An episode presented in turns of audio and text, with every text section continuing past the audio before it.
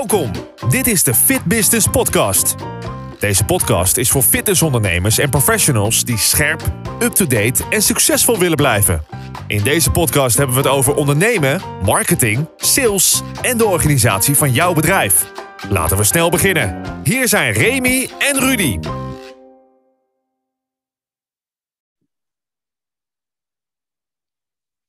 Welkom bij aflevering 20 in seizoen 2 van de Fit Business Podcast. En vandaag uh, gaan Remy en ik uh, praten over iets dat uh, ja, nogal speelt in de wereld. In Nederland, daarbuiten, overal. Er is een oorlog, er zijn gasprijzen, er, zijn allemaal, ja, er, is veel los, zullen we maar zeggen, in de wereld. Dat ontgaat niet, niemand van ons waarschijnlijk.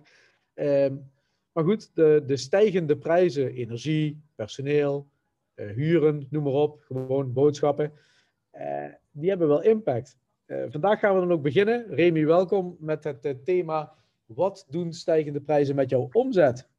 Ja, wij ontkomen niet aan de trend om het hierover te hebben.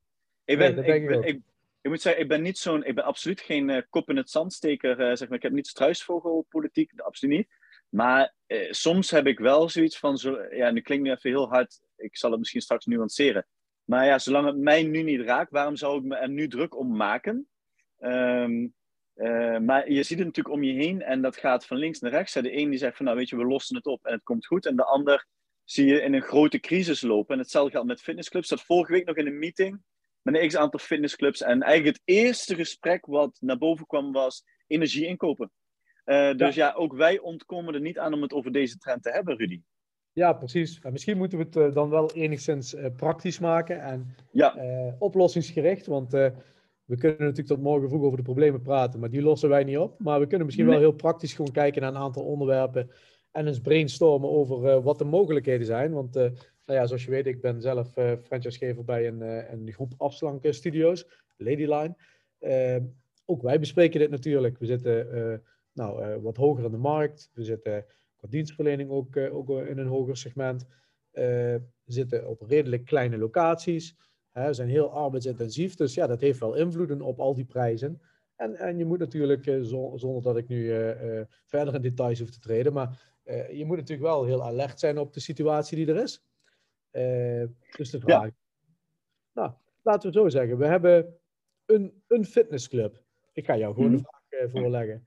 We hebben een fitnessclub of, een, of zo'n studio. Maakt ook niet zoveel uit. Misschien wel, maar dat mag jij in je antwoord dan geven, Remy. Moet jij nu de prijs verhogen?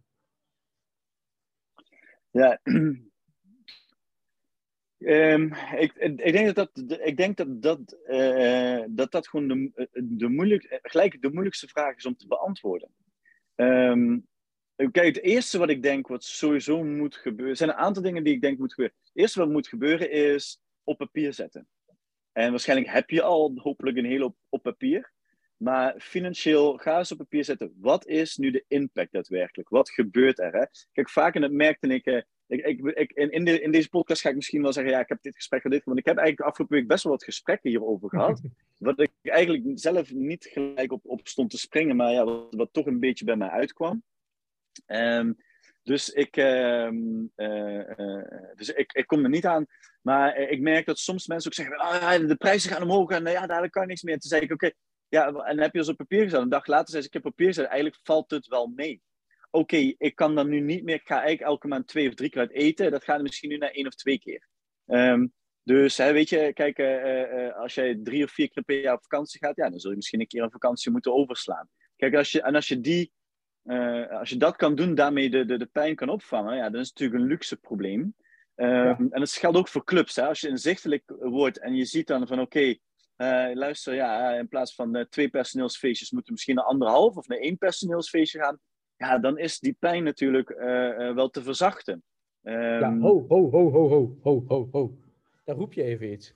Ja. Je gaat meteen inderdaad af van de stijgende boodschappen energieprijzen. prima, wij kunnen er ook niks aan doen. en ik denk ook niet dat we beide experts zijn op het gebied van energiecontracten. Ik nou, wat ik wel, dat, ik wil één, ding voordat je verder gaat, wil ik wel zeggen. Want we, eh, heel veel mensen weten niet, maar wat is de reden van de stijging van de energieprijzen zo, zo extreem? Uh, ja, nou, dat is, dit is belangrijk gegeven. En dat wist ik ook niet. Ik heb dit onlangs uh, geleerd. gas, de gasprijs is de benchmark voor de energieprijs. hier gaat het fout. Kijk, gas, daar zitten we met een probleem. Of dat probleem in Rusland in schaarste, in uh, misbruik van uh, positie ligt, ma maakt niet uit. Maar die gasprijs is natuurlijk extreem gestegen door omstandigheden. Wat er dus gebeurt is, de energieprijs, als die de gasprijs als benchmark gebruikt, die stijgt mee. Als je Engie neemt, um, de maatschappij, en, en ik weet dat vanuit privé, niet dat ik bij Engie zit, maar vanuit privé dingen uh, hou ik dan een beetje bij wat daar gebeurt. Die ik ben gas... klant uh, bij Engie, bij een van mijn vestigingen. Ja, nou, ik weet dat zij... Overgenomen overigens. Het was geen persoonlijke keuze voordat we daar iets mee hebben, maar het, het was zo, zullen we maar zeggen die, kopen nog altijd in voor 25 euro energie, en, maar die verkopen nu voor tienvoudige. En, uh, en die verkochten, e-, eerder kochten ze ook misschien voor 25 in en verkochten ze voor twee, drievoudige. Ik noem even als voorbeeld. Maar dat komt omdat de gasprijs is gestegen en de energieprijs is de, eh, de gasprijs is de benchmark voor de energieprijs.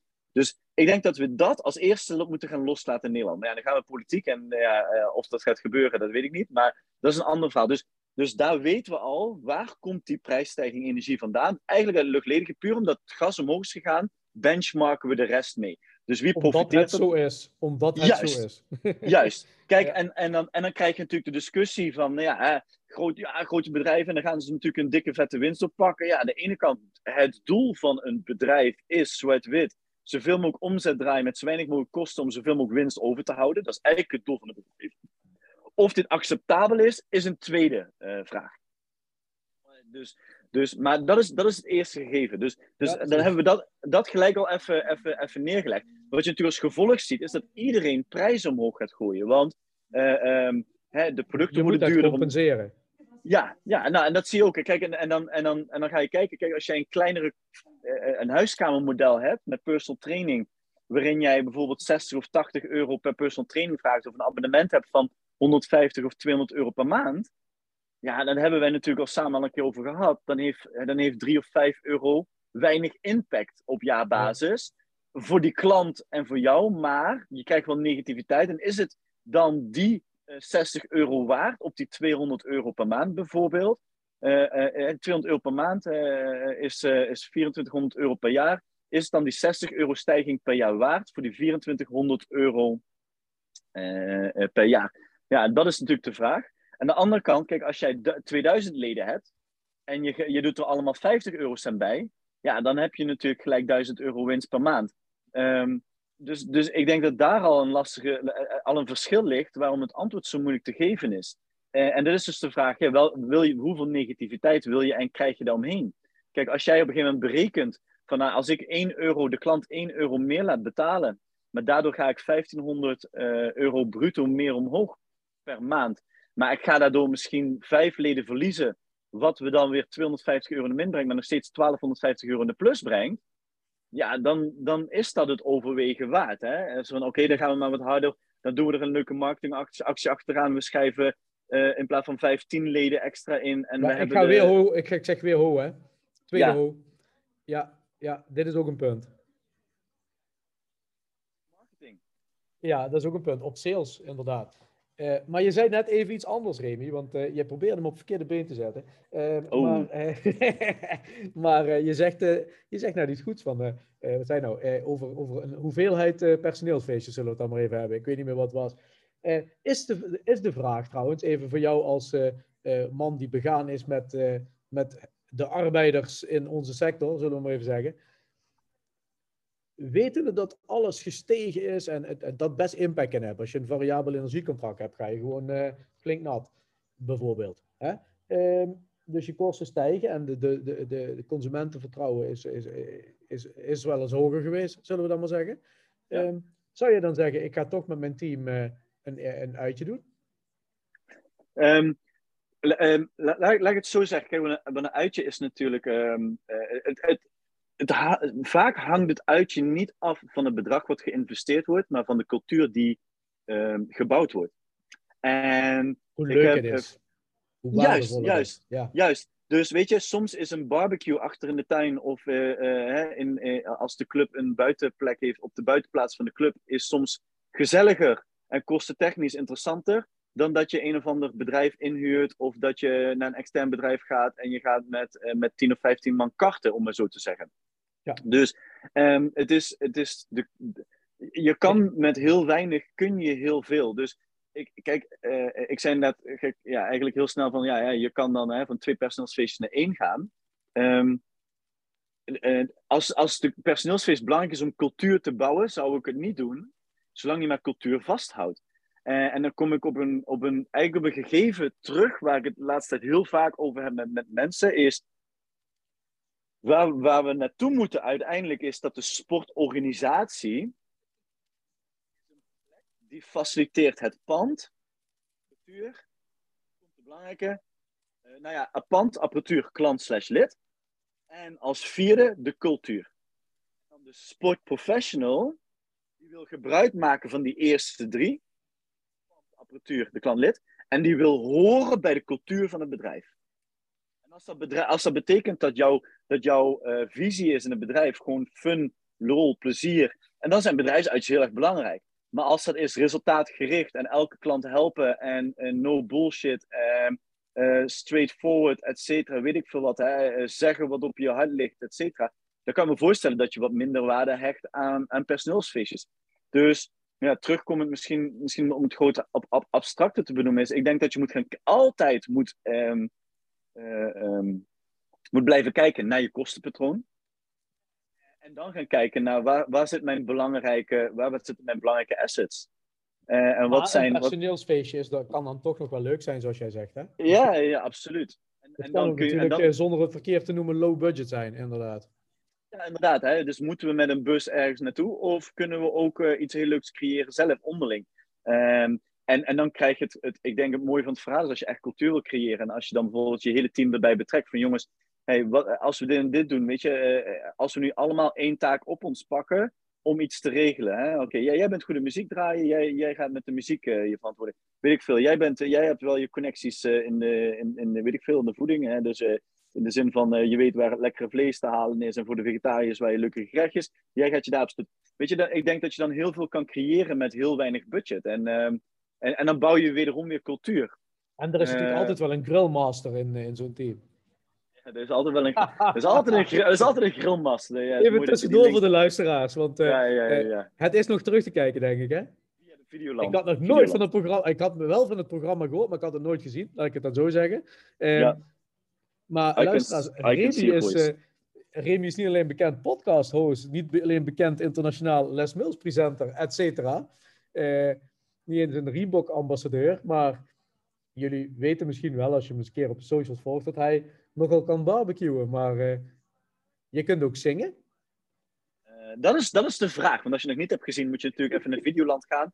I Can See a Voice, seizoen 4, aflevering 1 met Walter Kroes. En uh, ja, daar kom je, er zijn twee dingen waar je achter kan komen. Eén, hoe ver weet ik het in het programma te schoppen? Dus hoeveel rondes kan ik stand houden en de jury ervan overtuigen dat ik kan zingen. En dan is natuurlijk de vraag, kan ik dus ook echt zingen? Hè? Spreek de waarheid of bluff ik en kan ik niet zingen? Dus uh, ja, klopt, dat, uh, dat, uh, dat heb ik inderdaad. En, en heel eerlijk is een bucketlist dingetje. Ik heb vroeger altijd in een, ehm, aan, een, aan een talentenjacht mee willen doen. En ja, The Voice bestaat natuurlijk niet meer om bekende Althans, niet in Holland. Ja, niet nee, in Holland, nee, niet in Nederland. Niet in Nederland inderdaad. En dus ik dacht, weet je wat, dat is, dit is misschien wel een mooi moment om mezelf in de kijker te, te zetten als ik kan zingen. Dus, dus dat even Ja, we moeten dus... Welke aflevering was het? Aflevering 4 van het seizoen? nee, nee, nee, nee. Aflevering 1, seizoen 4. Dus seizoen 4. Ah, want er was ook iemand die zei... Ja, ik heb de eerste aflevering gekeken, maar ik kwam helemaal niet voor. Ja, die had aflevering 1 van seizoen 1 gekeken. Seizoen 4, aflevering 1. Met Walter Kroes. Als Walter Kroes ziet staan, dan weet je dat je goed zit. Uh, met, uh, maar om niet af te wijken, want ook, ook eigenlijk, wij werken af natuurlijk als we over de cultuur van het bedrijf hebben, is wat moet je nu financieel met je bedrijf doen? Ik denk, één, altijd maak visueel wat de stand van zaken is. Wat zijn mijn uitgaven? Wat zijn mijn inkomsten? Hoe staat het ervoor met de omzet, et cetera? Um, dan weet je welke pijn je kan leiden. Uh, en of dan wat er nodig is om uh, die groei te pakken die Juist. je wel nodig hebt. En dan is punt 2 inderdaad, wat moet je gaan doen om die groei te pakken? En het verbaast me, ik sprak uh, afgelopen week ook weer een clubondernemer. En die zei van, ja, we zien nu wel weer nu in september weer een flinke aanwas dat veel mensen inschrijven. En dan verbaasde me dat, het, dat we nog altijd niet een 12 jaar structuur hebben waarin we elke maand succesvol mensen inschrijven. En op een of andere manier toch nog altijd die piek in januari en september hebben. En dan vind ik, dan blijkt dus ook dat wij nog helemaal niet duidelijk hebben gemaakt hoe belangrijk bewegen, gezondheid, voeding is voor uh, de, de, de klant in Nederland. Want dan is er nog altijd sla je een, toch de een spijker moment op zijn kop, Remy. Je slaat toch gewoon de spijker op zijn kop. Omdat, Ja, dankjewel. We, omdat we een... eh, ja, ik ga ook wel mensen pijn doen. Ik bedoel het ook niet verkeerd. Maar eh, we zijn fitnessclubs. In principe locaties waar eh, toestellen staan, eh, mogelijkheden, ruimtes voor, voor wat je allemaal kan doen. Groepslessen, eh, functional, noem maar op.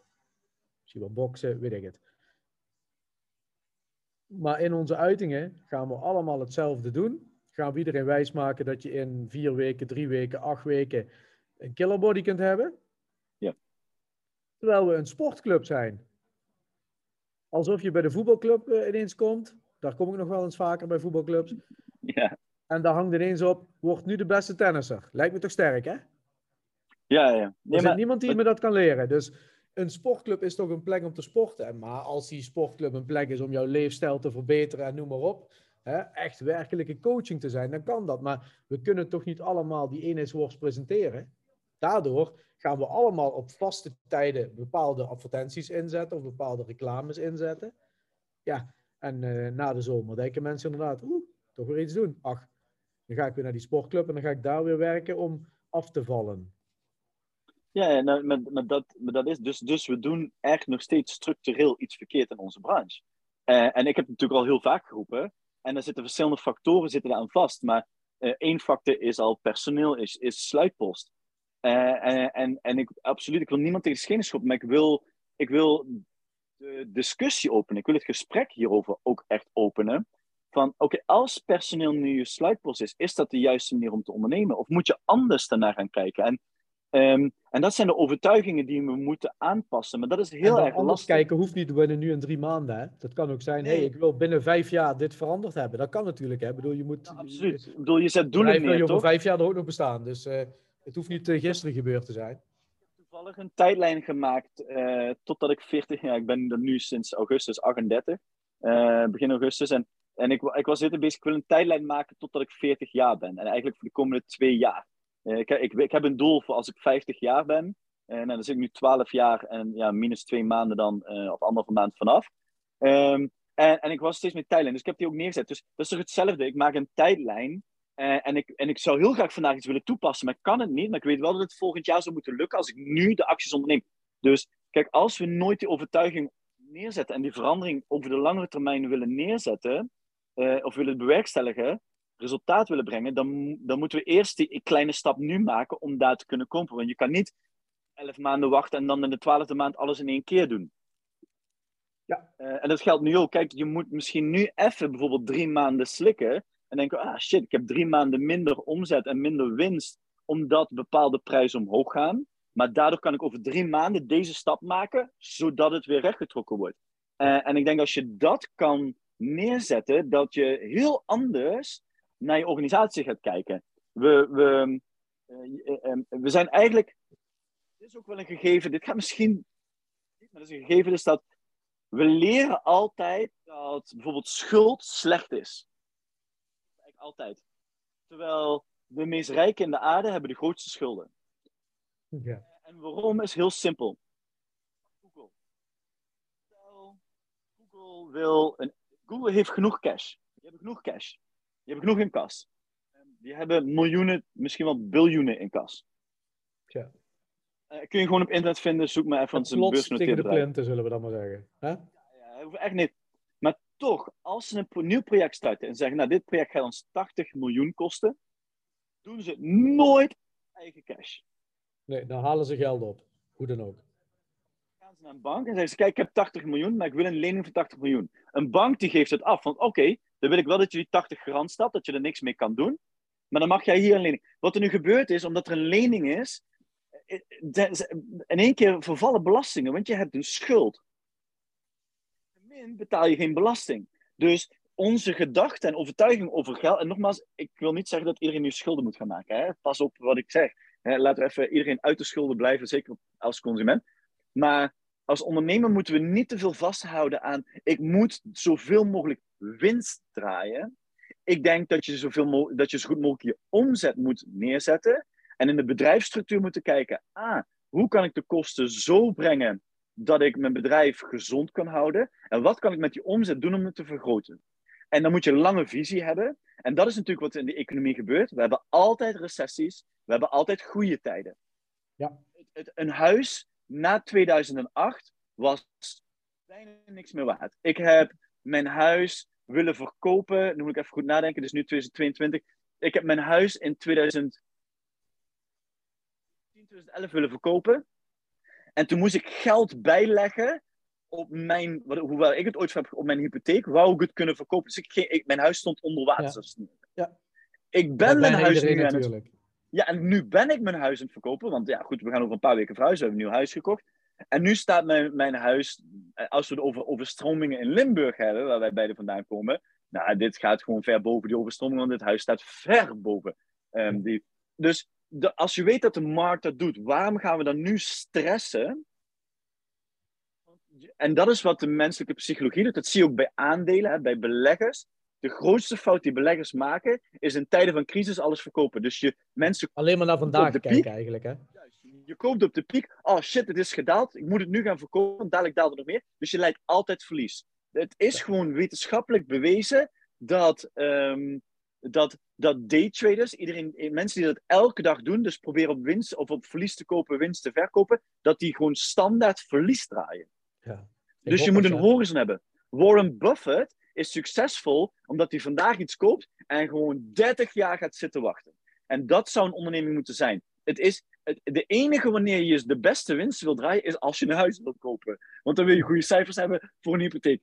De rest boeit mij nooit of ik negatieve cijfers heb, of dat ik een kleine eh, winst heb of dergelijke. Dat is nu niet belangrijk. Mijn horizon is niet binnen nu en volgend jaar. Mijn horizon is over 10 of 20. Mijn horizon is als ik 50 jaar ben, heb ik nog 12 jaar. Dus daar moeten de cijfers goed zijn. Dus als ik nu investeer, juist. En dan ga je natuurlijk over compounding praten. Hè? In plaats van dat we lineair 1 plus 1 plus 1 plus 1 gaan doen. Hè? Dan, dan doe je heel lang over om bij 100 te komen. Maar als je in het procentuele gaat denken, dan, uh, ga je, dan, dan is het extreem. En, en dit heb ik deze week uitgeprobeerd te rekenen. En het was niet uit te rekenen namelijk, want ik wou het testen. Ik zeg tegen mezelf altijd, ik wil elke dag 1% beter worden.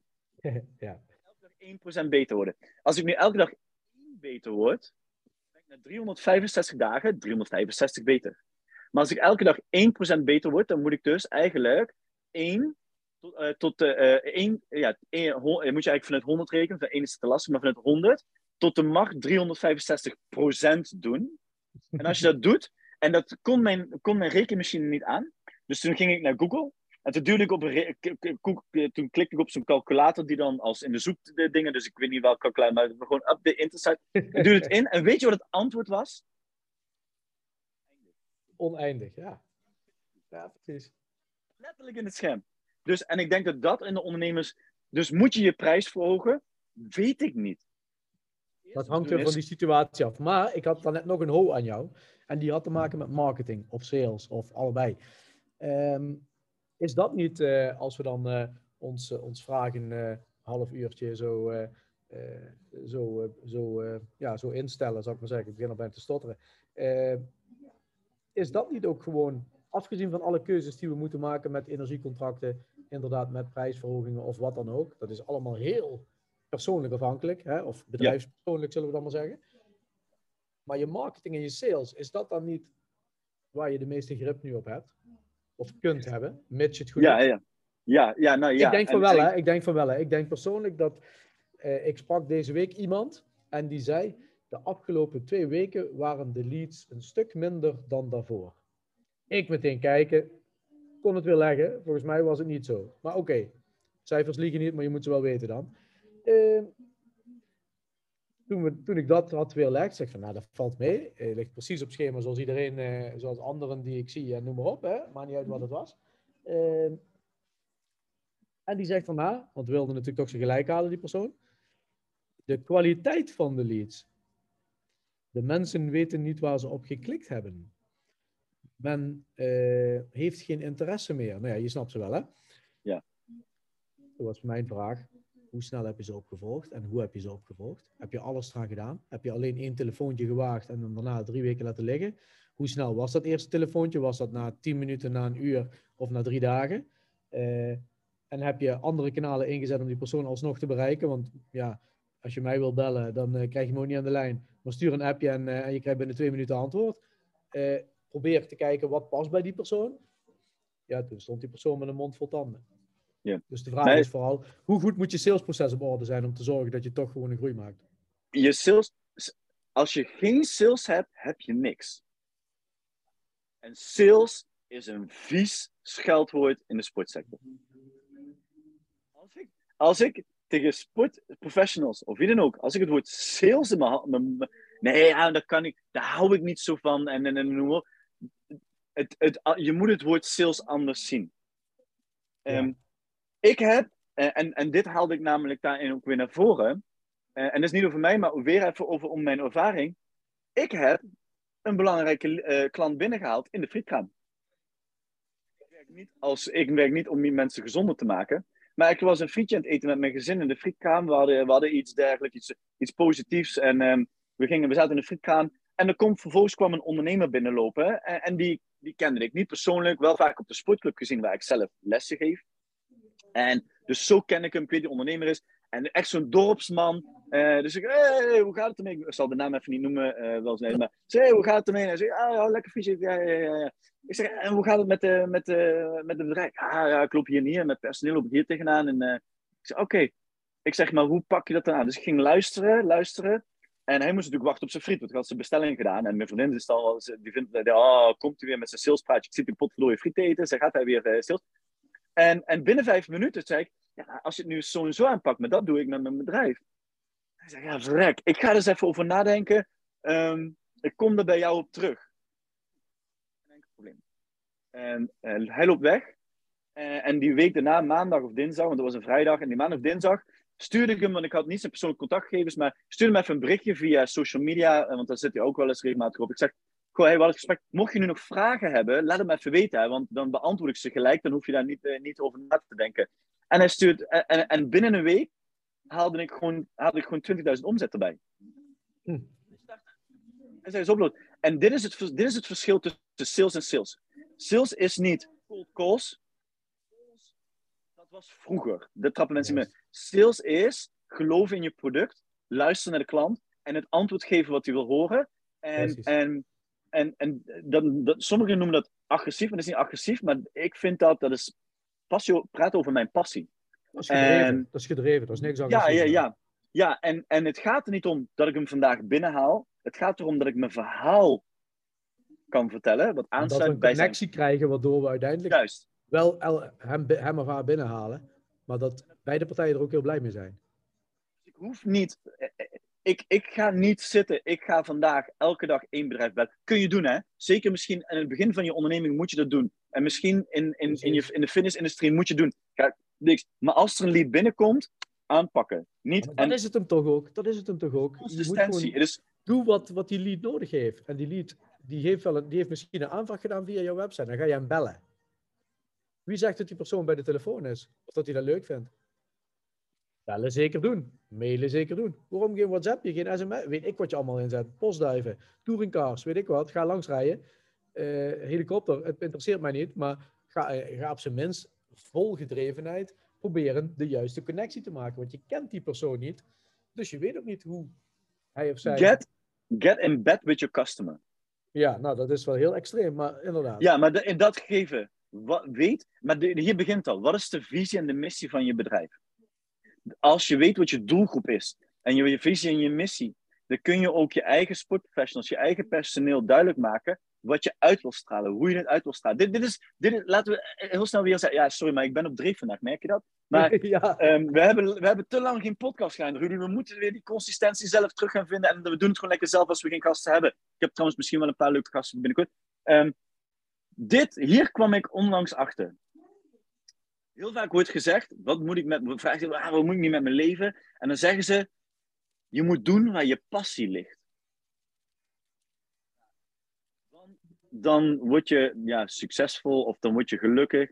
Dat is echt de grootste bullshit die er bestaat. namelijk, als je. Dit is namelijk. Je moet doen waar je passie ligt. Ja, ik hou van sport. Wat je dan moet doen als je van sport houdt, dan neem je een lidmaatschap op bij een fitnessclub. Dan koop je een team badenkaarten in het zwembad. Je wordt lid van de voetbal, de volleybal en de hockeyvereniging. Ga je lekker 24-7 sporten. Lekker naast het werk alleen nog maar sport, Dat is een passie voor sport. Ja. Als je een passie hebt in mensen zonder maken, dan moet je gaan werken in de sport.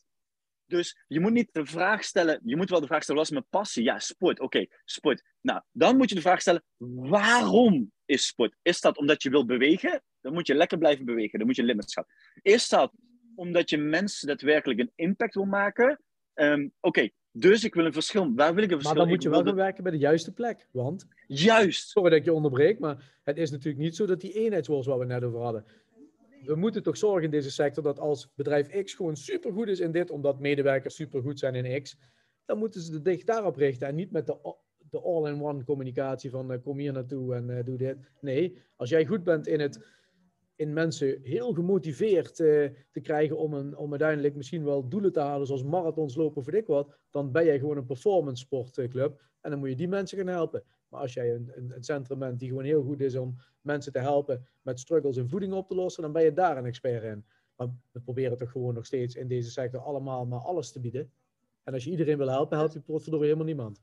Dat is ook twee punten. Eén is, dus eigenlijk moet je vier vragen. Wat is je passie? Waarom het je passie? Dus hè, wat wil je van in? Dan, hoe breng je het tot uiting? Hoe ga je, dat geldt ook voor sportorganisaties. Hoe ga je sporten? En de laatste is, wie wil je inspireren? Wie is je klant? Die vier vragen moet je beantwoord hebben. En dat moet een sportprofessional en een sportorganisatie. En dan weet je of er een match is met jou als met, met jouw werknemer. En dan praat je ook veel makkelijker. Dan is sales heel normaal. Dan is het. Dan, dan, Adviseren. juist. En dan, want dan weet je je klant, je kent je klant. Dus Um, en, en, en, en dat is denk ik waar het vaak al niet in zit. We weten niet wat onze doel is. We willen iedereen binnenhalen. We willen vooral grote aantallen binnenhalen. Dat, dat, is, het dat is het gewoon niet meer. Daar ga je het niet meer redden. Dus, uh, dus als je inderdaad uh, een, een sportprofessional aan gaat nemen, of jij als sportorganisaties, die vier vragen moet je gewoon beantwoorden. Wat is je passie? Waarom is je passie? Um, vervolgens, hoe breng je het tot uiting? En als laatste, wie wil je hiermee inspireren? op wie wil je die impact echt gaan maken? Um, en dan is sales helemaal niet zo, helemaal niet zo spannend, want dan wordt het een natuurlijk proces. Ik vind het niet erg. Adviseren en gewoon de connectie leggen tussen behoefte en oplossing, toch? Ja, inderdaad. Dus als, jij, als, jouw, als, jouw, als jouw passie slaap is, en je kan daar dus sportorganisaties mee helpen, want ze hebben niet de professional in huis, maar ze hebben wel voeding en beweging in huis maar ze nog niet slapen, ja, perfect. Weet je, mooi. Sluiten we aan, kunnen we met drie collega's echt klanten gaan helpen. Want nu kunnen we nog met twee vakgebieden helpen en nu een derde vakgebied. En als sportorganisatie... Je natuurlijk zeggen, als je passie slapen is, moet je vooral gewoon de hele dag gaan slapen. Ja, ja, als je passie slapen is, moet je blijven slapen. Maar als je mensen wil helpen met betere slaaphygiëne, heel, heel, heel goed opgemerkt, Rudy. Als je, als je passie uh, mensen hun slaaphygiëne verbeteren, dan moet je daar gewoon echt je, met je specialisme volop induiken. En uh, en, en dat, juist, juist. En, en laatst zei ook iemand tegen mij, en daar, daar, daar, daar moest ik een beetje, dacht oh, ik kreeg gewoon van. Die zeiden, hey, we moeten mensen 40 uur in dienst nemen. En die moeten ook koesteren dat ze een hypotheek kunnen afsluiten. Uh, een beetje baanzekerheid. Dus zeg, hoeveel clubs kunnen, hoeveel clubs kunnen hoeveel medewerkers 40 uur in dienst nemen? Ja, heel weinig. En laten we daar al even helemaal stoppen. En ze zeiden, ja, maar dan heb je geen focus. Het woord focus gebruik je verkeerd. Ben je gefocust omdat je voor één iemand werkt? Of ben je gefocust omdat je op vijf verschillende plekken expertise naar buiten? Dan heb je pas focus op jouw expertise. Dan ben je ook daadwerkelijk de beste. En Jim Collins die heeft het Hedgehog-model. En het Hedgehog-model haal je drie punten naar voren. Eén, wat is, waar ben je echt gepassioneerd in? Daar heb je dus die vier vragen van wat ik net. Twee, waarin ben je de beste van in de hele wereld? En drie, hoe maak je hier een financieel verdienmodel van?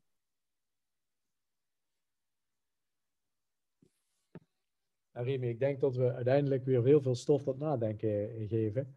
Uh, of misschien denkt, denken de luisteraars wel, wat zwetsen ze allemaal? Dat kan ook. Uh, ja, en mijn, mijn laatste... Onderhoudend, hoe zeg je dat, onderhoudend half uurtje of hoe ver we ook zijn, is. En, en, en, dat, dat je er ook mee, hoe zeg je dat goed? Dat je ook kunt nadenken over wat je hebt gehoord en denkt, dit vind ik niks, dit vind ik wel iets. En wat je wel iets vindt, al is het maar één klein dingetje, dat je daarmee aan de slag gaat. Ja, nou, inderdaad. En, en uh, dat en uh, blijf ontwikkelen. En daarin wil ik nog zeggen dat consistentie. Consistentie in je sales, in je marketing, alles wat je doet, consistentie. ik, heb, ik had als target om in 2022 52 boeken te lezen. En op 31 augustus had ik mijn 52ste boek uit. Dus ik lag vier um, maanden voor het schema. Dat waren niet alleen maar dikkie diks, hè? Nee, nee, nee, nee. Dat waren alleen, alleen maar ontwikkelingsboeken. Uh, of misschien wel ook een biografie hier en daartussen. Maar wat, wat ik hiermee wil zeggen is... Nu zeggen heel veel mensen... Ja, maar je leest er snel overheen. Maar je moet niet gelijk het eerste boek helemaal van buiten binnen leren. Misschien is het gewoon wel een slecht boek. Ik heb nu... studie toch? Dus je gaat niet nee, lezen, geen studie. Nee, en, en je moet vijf keer, pas als vijf verschillende auteurs hetzelfde zeggen, is het waar. Dat is een gegeven, hè? Als vijf verschillende auteurs het zeggen. Dus als het de eerste. Dus wat ik heb gedaan, ik heb bepaalde dingen. Consistentie komt altijd terug. Altijd. Grit. Perseverance. Doorzettingsvermogen. Kleine stapjes. Atomic Habits. Noem, ik kan, ik kan, kan de boeken zo, zo allemaal uit. Dus, dus dat is al één. Maar wat ik heb gedaan is, ik heb uit die 52 boeken heb ik de 12 beste uitgehaald. En nu ga ik elke maand één boek van binnen en buiten leren. En dan heb je constantie en groei. En dat is wat we niet doen. We zijn niet ontwikkelen. Ik durf nu te zeggen dat uh, 5, misschien wel 99% van de mensen die dit luisteren. Trouwens, een van de 52 boeken was het boek van Rudy Godding. Even, eh, even, laten we het even duidelijk zijn. De push ehm, paradox bedoel je dan toch? Juist, de push paradox. Hè? Die ook Bol of uh, Amazon. Bol.com. Ja. ja, ja, Bol.com ook. Um, maar um, dus, dus de 12 beste die leren, ga ik één maand ga ik die van buiten leren. En als je nu consistent bent, je, je, het gaat om groeiende ontwikkeling. Ik durf te wedden dat 99% van de luisteraars het afgelopen jaar nog geen enkel boek hebben gelezen. Ja, dan moet ik zeggen, ik verslind ze ook niet. Maar op vakantie heb ik er zo zeven verslonden. Nou ja, maar, maar, maar dat zijn er wel weer zeven. En het is niet erg. Hè. Je hoeft er niet zoals ik echt heel extreem Want ik, nu ga ik dial down. Nu lees ik er denk ik eentje per twee, drie weken uit. En daarnaast heb ik één boek wat ik dus helemaal... Kwaliteit voor kwantiteit, hè? Ja, ja, ja nu, nu, nu verandert dat. Uh, en, maar, uh, en ik wil best binnenkort mijn lijst boeken wel een keer uh, de twaalf beste boeken delen. En waarom? misschien is dat wel een goed trouwens podcast idee. Ik zie je vinger ook al omhoog gaan. Um, maar maar, maar ik wil zeggen, consistentie is key. En groei. En dan kun je die 1% groei. En, en, en dus wat je straks zei, als je dan vijf leden verliest, hoe kun je er tien inschrijven? Maar we zijn nog veel te veel gefocust op te veel andere dingen. En ja, ik denk als ondernemer zijn, dan moet je, je, je moet je niet focussen op die winst. Je moet je, je moet je niet focussen op het dividend uitkeren. Je moet je focussen op de groei op de lange termijn, op vijf tot tien jaar. En ja, we gaan nu pijn lijden. En ja, we gaan misschien een crisis in. So what? Dat hoort bij ondernemen. Je bent pas een echt ondernemer. Consistentie, groei en een leuk leven, zeg je. Ja, nou, je bent pas een echte ondernemer als je, als, je, eh, als je ook in de dalen wil strijden en niet alleen in de goede momenten een ondernemer wil zijn. Nou, mooi. Ik denk dat we daar een hele mooie mee kunnen afsluiten, Remy. Ehm, en laten we meteen inderdaad zorgen dat het volgende onderwerp die boeken is. Ja, ja, bij deze. Ik denk dat dat heel interessant is. Daarmee kun je mensen ook letterlijk Ik denk dat we zo meteen, meteen de agenda gaan prikken voor de volgende podcast. Precies. Ik wil uh, de luisteraar bedanken. Uh, ik hoop dat je er iets aan hebt gehad. Uh, laat het ons vooral ook weten waar je iets aan hebt gehad. En dan, nou ja, we zien elkaar niet, maar figuurlijk gezien zien we elkaar dan terug bij aflevering 21 van seizoen 2. Tot snel. Yes. Dankjewel. Goed zo.